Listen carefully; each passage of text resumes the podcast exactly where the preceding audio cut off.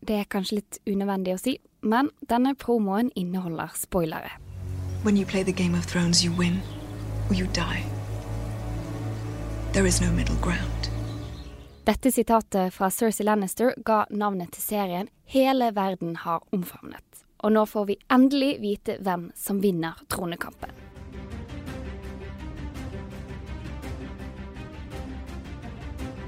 Vi i Dagbladet skal lage Tronetid, et program om Game of Thrones.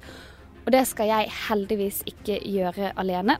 Dragen har som kjent tre hoder, og dette er oss. Jeg er Inger Merete Hobbelstad. Jeg er filmkritiker og kommentator i Dagbladet. Og jeg er Marie Kleve. Jeg er bokansvarlig og kritiker i Dagbladet. Jeg gleder meg til å se om det blir flere eksempler på sex position, noe Game of Thrones har vært veldig berømt for. Dvs. Si utlegning av forskjellige eh, hendelsesforløp mens man har sex. Jeg gleder meg til å plukke fra hverandre alle scenene og se hvor mange av eh, mine teorier som kommer til å slå til, nå som vi endelig får løsningen. Og så er det meg, da, Marie Røsland, som egentlig bare er veldig, veldig, veldig glad i Game of Thrones.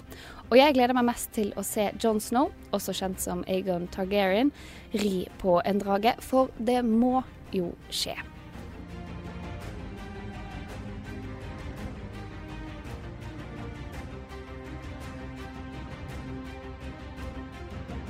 Tronetid det er et TV-program, men du kan også høre oss som podkast hver mandag fra 15. april.